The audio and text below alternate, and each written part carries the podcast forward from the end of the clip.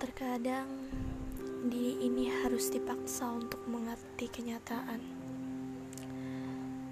Kenyataan yang telah ditakdirkan untuk kita.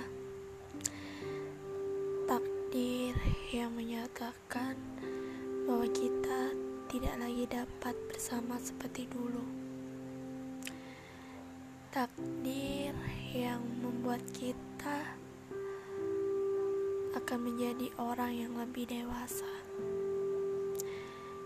tetapi dewasa dengan cara masing-masing. Ya, walaupun dengan cara perpisahan, iya, cara perpisahan. Perpisahanlah yang membuat kita menjadi orang asing. Padahal kita dulu sedekat nadi sebelum kita akhirnya menjadi sejauh matahari. Tapi itulah kenyataan yang harus diterima.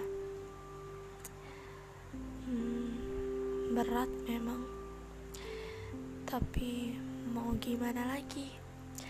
Kalaupun dipaksa untuk bertahan rasanya itu tidak mungkin. Karena ini sudah menjadi fasenya. Bukankah setiap ada kata selamat pasti ada kata selamat tinggal? Iya untuk kamu selamat tinggal